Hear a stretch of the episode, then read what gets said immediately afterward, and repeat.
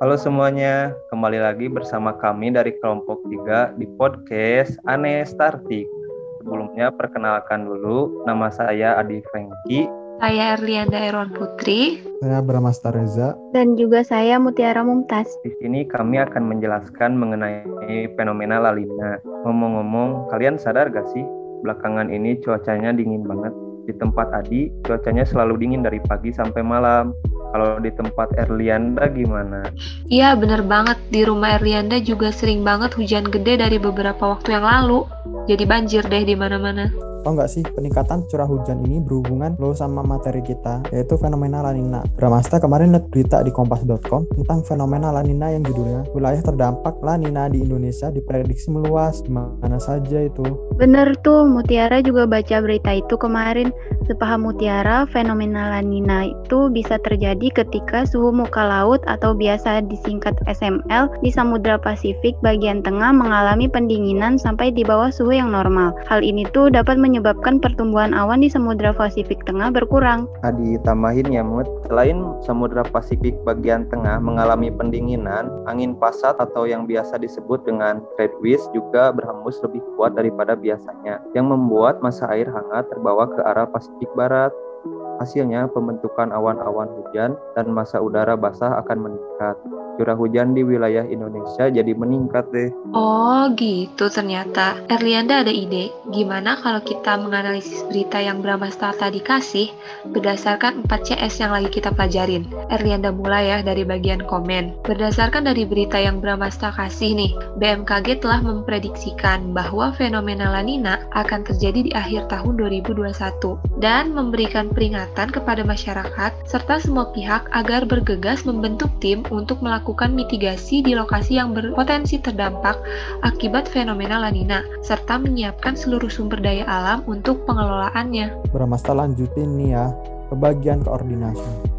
Berdasarkan berita tadi, fenomena La Nina ini dapat memicu terjadinya bencana hidrometeorologis. Akhirnya, waspadaan dari masyarakat jadi muncul.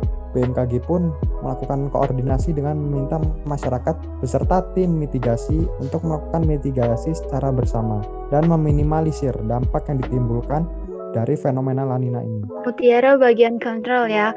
Kalau bagian kontrol di berita tadi, semua kegiatan yang dilakukan baik oleh masyarakat maupun pihak lain berkaitan dengan kegiatan mitigasi harus dilaporkan pada kepala daerah atau BPBD, sehingga kegiatan mendapatkan pengawasan dan anggaran yang disiapkan berkenaan dengan penanggulangan bencana dapat tepat sasaran. Jadi, nggak akan ada deh pemborosan anggaran bencana.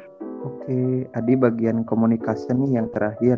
Untuk bagian komunikasi berdasarkan berita tadi, ada tiga bagian, yaitu tahap pra-bencana, tahap fase bencana, dan tahap pasca bencana. Komunikasi yang dilakukan pada tahap pra-bencana adalah BMKG yang melakukan konferensi terus untuk memaparkan informasi dan prediksi mengenai fenomena La Nina yang akan terjadi hampir di seluruh wilayah Indonesia. BMKG pun meminta masyarakat ataupun pihak terkait agar membentuk sebuah tim untuk melakukan tindakan mitigasi. Erlianda lanjutin nih buat bagian komunikasi fase bencana. Pada fase bencana, masyarakat ataupun pihak yang sedang bekerja sama melakukan mitigasi dapat menginformasikan perihal korban yang diakibatkan oleh bencana dan segera melakukan koordinasi pada pihak yang menangani bencana agar tempat rujukan korban bencana dapat disiapkan. Untuk bagian komunikasi pada pasca bencana, pada masa jelasin nih ya, pada pasca bencana, masyarakat dari korban bencana dapat memberikan laporan mengenai fasilitas ataupun rumah yang rusak pada BPBD serta pihak yang membantu korban bencana dan juga akan diinformasikan mengenai hal-hal yang dapat mengatasi, mencegah, dan mengurangi resiko dari bencana. Wah, menarik banget ya. Eh, tunggu. Mutiara juga kemarin baca berita dari Tempo.co mengenai fenomena La Nina juga. Judulnya, La Nina tingkatkan risiko banjir hingga longsor. Kita analisis juga yuk berdasarkan 4 CS.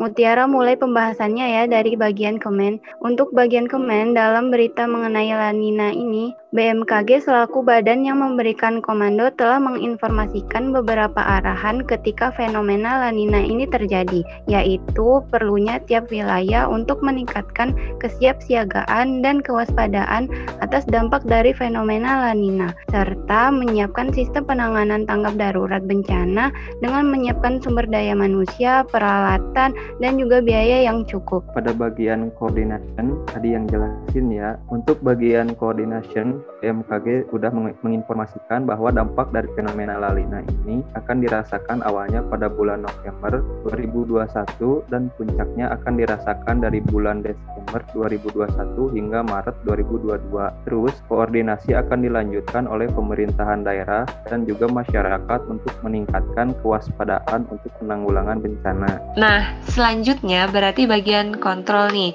Biar Erliana jelasin. Untuk bagian kontrol, tiap kegiatan yang dilakukan oleh pihak mana pun berkaitan dengan penanggulangan bencana harus dilaporkan kepada kepala daerah atau BPBD.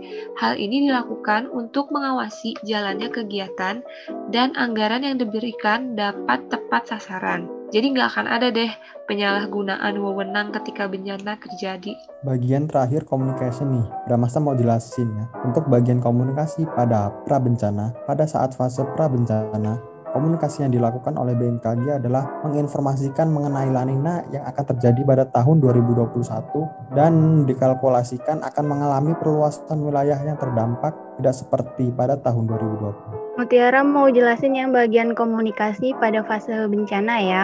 Pada fase bencana, komunikasi dilakukan oleh pemerintah daerah dan juga masyarakat dengan memberikan informasi mengenai korban akibat bencana dan bekerja sama dalam penanganan serta pemberian bantuan kepada korban bencana seperti bantuan makanan, obat-obatan, air bersih, pakaian, kebutuhan wanita, kebutuhan ibu serta bayi dan juga menyiapkan tempat rujukan untuk para korban bencana. Terakhir nih, bagian komunikasi pasca bencana yang mau Adi jelaskan. Pada pasca bencana, komunikasi dilakukan oleh masyarakat untuk menginformasikan perihal kerusakan yang terjadi kepada BPBD dan pihak yang terkait yang membantu korban bencana akan diinformasikan juga mengenai hal-hal yang dapat mengatasi, mencegah, dan mengurangi resiko dari bencana dengan membuat bangunan penahan, jangkar ataupun healing. Seru banget sih ngebahas sekaligus menganalisis berita tentang fenomena lanina yang terjadi belakangan ini. Kita jadi dapat ilmu-ilmu baru deh. Mungkin sampai sini aja kali ya pembahasan kita mengenai fenomena lanina yang sedang terjadi. Semoga pendengar podcast kita juga dapat menikmati podcast kali ini dan menambah pengetahuannya mengenai fenomena lanina.